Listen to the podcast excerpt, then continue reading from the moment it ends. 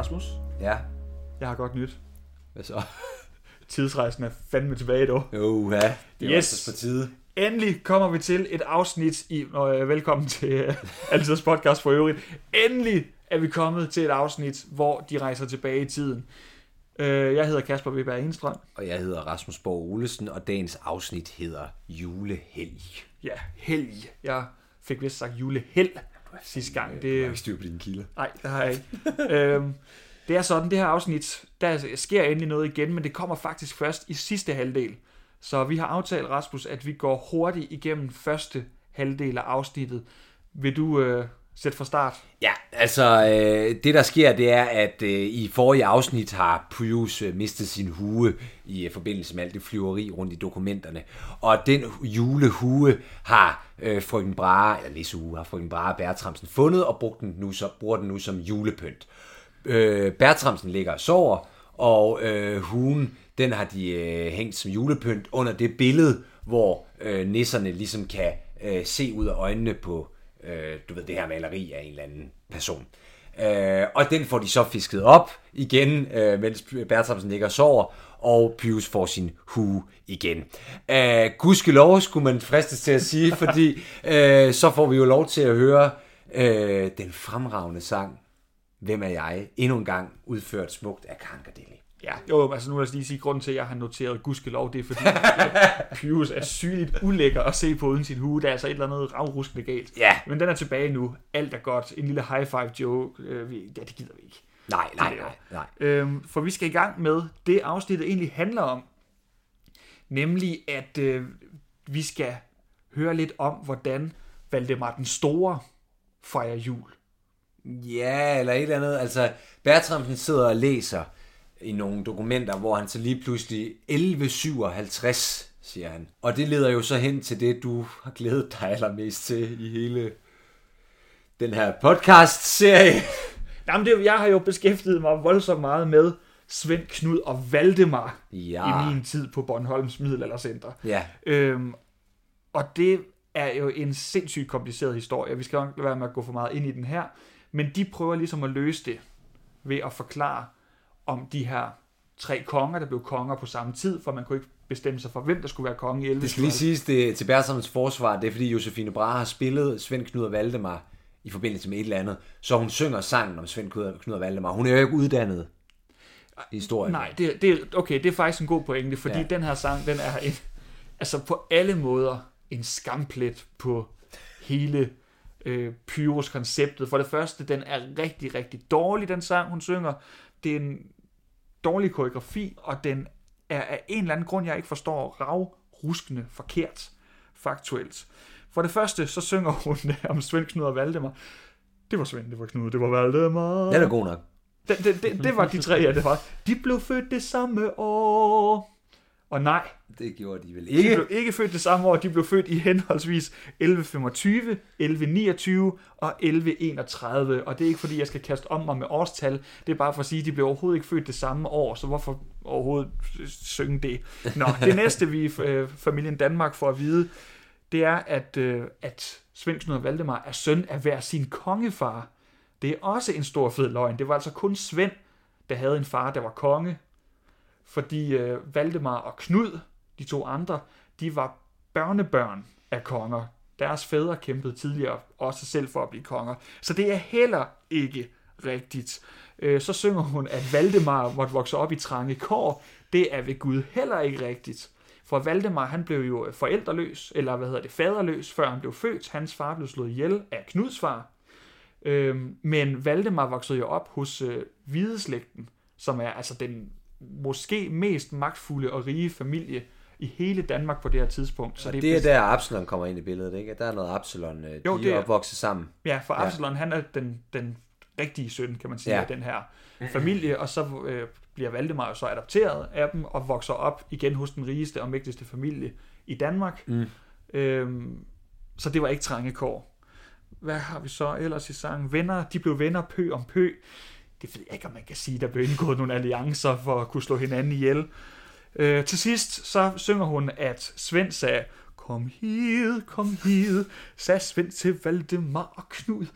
Og så at han dækker op til gæstebud. Øh, og det er simpelthen også løgn. Øh, det var Svend Grate, der forsøgte at slå de andre ihjel ved det, der hedder Blodgildet i Roskilde i 1157. Jeg skal nok lade være med at gå. Det er sådan den danske Red Wedding fra Game of Thrones, Ja, at, ja, hvor ja. de skal fejre, at de er blevet gode venner, og så slår den ene de andre ihjel. Men han, når, han slår så kun den ene ihjel. Det er bare ikke ham, der inviterer til gæstebud, det er Knud. Igen, jeg ved ikke om, hvis man ikke ved noget om det her i forvejen, så bliver man måske ikke så fanget af det. Det er bare for at sige, at alt, hvad hun synger, altså samtlige detaljer i den sang, det er forkert. Øh, men det, der så er sjovt, øh, og tak Kasper jo. Ja, for min, øh, for min fine gennemgang. Ja. Nu har jeg fået det ud af systemet. Tak. Men øh, under alle omstændigheder, så, øh, fordi vi vender jo faktisk lige tilbage til det her, lige for at vende tilbage til din pointe om, at hun ikke vidste noget, men de bliver jo tryllet ind i, øh, ja, hvad, hvad er det egentlig, de bliver tryllet ind i? Hvad er det for en bog? Det bliver der ikke sagt. Nej, ikke hvilken bog, nej. Nej, nej. Altså nisserne try- har endelig besluttet sig for at trylle sig Ja. tilbage. Og de tryller sig, øh, ja, de tryller sig vel nærmest frem til sådan 1157. Jamen, det, det siger de, men det kan ikke passe. Nej, fordi at øh, der er noget med øh, øh, nogle øh, tal og nogle al- aldre på folk, der måske ikke lige helt passer, men altså, ja, hvad... De tryller sig til øh, øh, Ej, de må... De må Kongens Slot i Vordingborg. ja, Eller ja, til borgen Vordingborg. Valdemar den Store Slot. Ja, Og her møder de jo Saxo Grammaticus. Og altså, øh, Saxo Gram- Grammaticus er øh, her i, øh, hvad hedder det, afsnittets øh, afbilledet af ingen ringere end Erik Kærsgaard.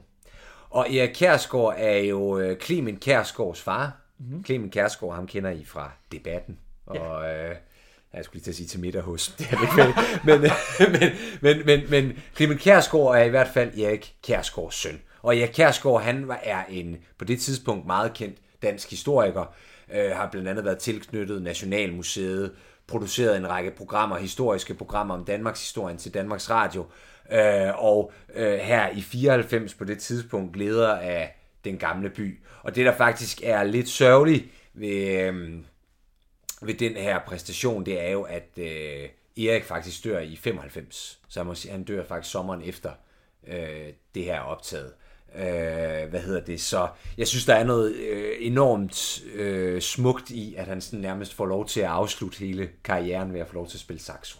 ja.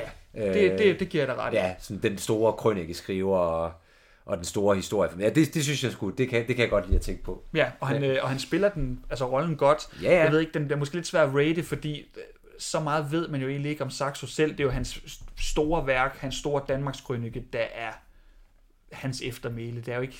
Der er jo også det problem, at der er noget øh, historisk tid her, der ikke lige helt stemmer overens. Altså, man mener, at Saxo er fra, hvad var det, 1160 eller sådan nogle ting. Og, og øh, Valdemar den Store, han dør i, er det 1181, øh, 1181, 82, øh, hvor Saxo har været 22 år. Øh, og det stemmer jo ikke rigtig overens med, at øh, Saxo her sidder på Valdemar Slot øh, i Vordingborg øh, og er en gammel mand. Og det der så er med det, det er jo, at øh, Saxo jo står bag, øh, hvad hedder det, den store Danmarks krønike Gesta Danorum. Ja. Øh, Danernes bedrifter. Ja, og, og, øh, og, og Gesta Danorum er jo sådan et, hvad skal man sige, et historisk værk, der beskriver, hvad hedder det, Danmark helt tilbage fra de gamle savnfortællinger. Øh, Ja, simpelthen de første to danskere og hele deres slægt frem til altså i dag, hans i dag. Som Ja. Så, ja. Så det, er- den, er, helt- den er ikke sådan, altså man- man vil ikke, øh, man vil ikke hvad hedder det, godtage sådan et værk i dag, fordi den simpelthen er alt for subjektiv, og, og, øh, og, og at det samtidig med det også er et stykke PR-arbejde for, øh, hvad hedder det, biskop Absalon, øh, som jo gerne vil have Valdemar den Stores bedrifter ud på papir. Øh, Og øh, endnu mere Absalons egne. Nu Ja. jeg kan jeg virkelig anbefale at læse Gæster den ord, hvis vi lige må være lidt, øh, må være lidt tunge på det. Det er virkelig sjovt. Ja. Øh, Absalon, der er, er altså en superheld uden lige i det her. ja, Ja. Men, øh, og, og værket, tror jeg, det har vel taget en masse, masse år at skrive, og den slutter omkring øh, 1185-ish. Så det er jo måske lige der omkring, hvor... Øh, ja, det er jo lige efter Valdemar er død, hvor han får skrevet det færdigt, Valdemar den Store. Ja, altså, I kan måske også høre nu, når vi, vi snakker om det her, at, at det er en vildt forvirrende tid, det her. Ja.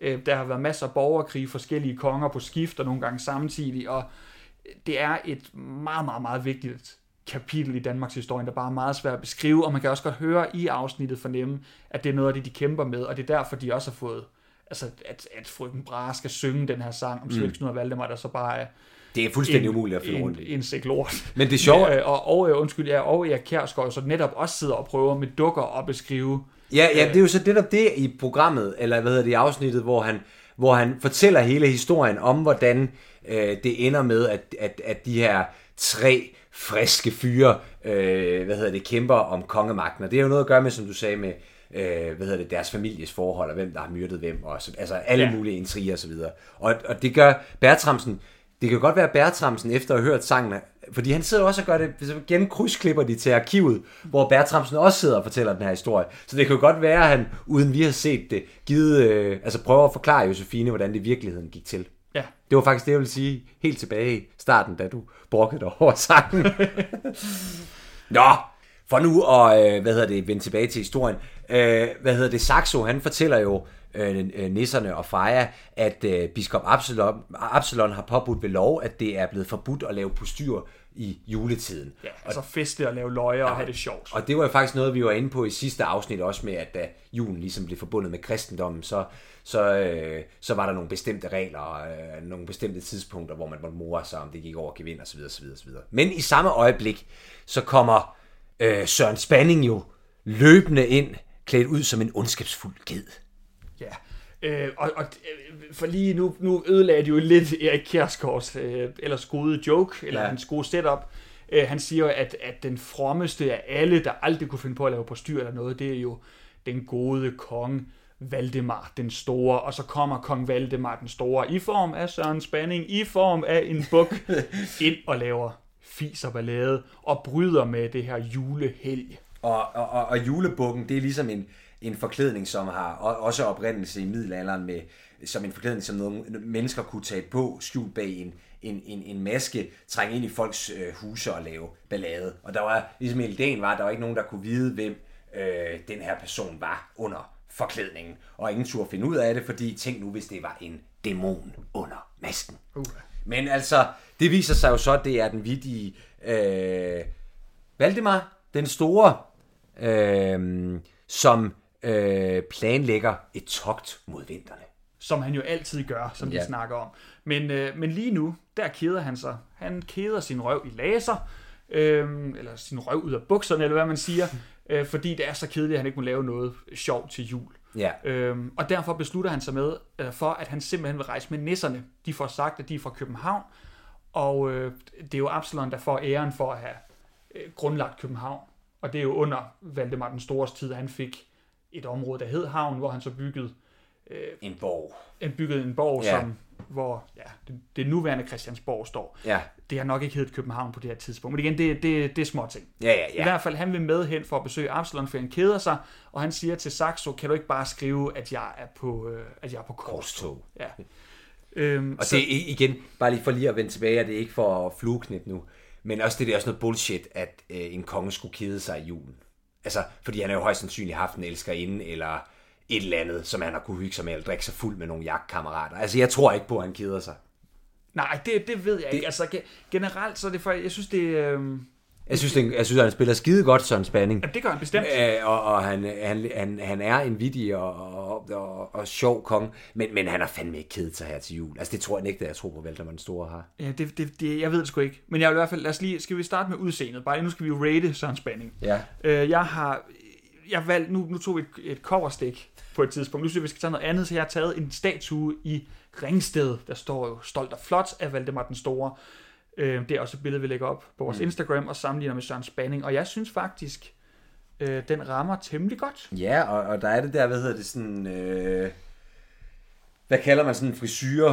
Ja, sådan, den er jo sådan altså, page grydehår-agtig. Øh, Nej, ja, det, øh, og den, den, den sidder sgu lige i skabet. ja, og kostymet, der kan man se, at kongen han har fået en... Øh, der bærer han et kors rundt om halsen. Vi er jo selvfølgelig, øh, hvad hedder det, øh, tidsmæssigt ind omkring, hvad hedder det, 1100-tallet, hvor kristendommen jo for længst er blevet indført.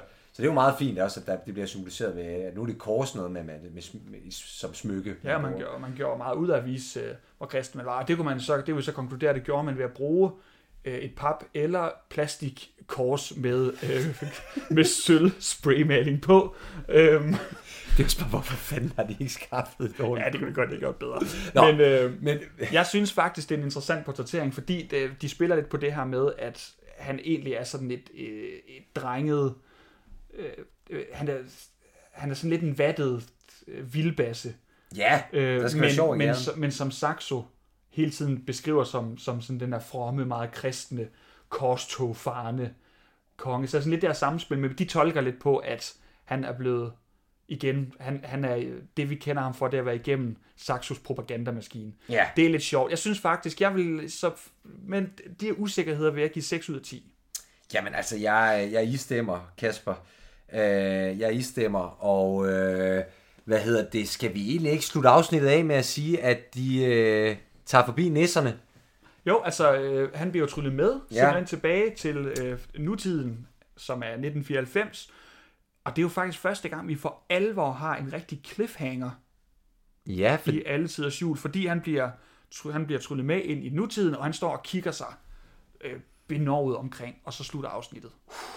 Ja, så jeg går ud fra, at vi skal... lurer mig, om der ikke kommer et kedeligt afsnit i næste episode, hvor vi ikke skal trylle frem og tilbage, men hvor vi bare skal blive i arkivet. Ej, det tror jeg ikke. Jeg tror, at det være nu... Nu starter vi med en konge, der er blevet tryllet frem i tiden. Det er en fed start, i stedet for at vi skal se Bertramsen sove for syvende gang. vi ses i næste afsnit.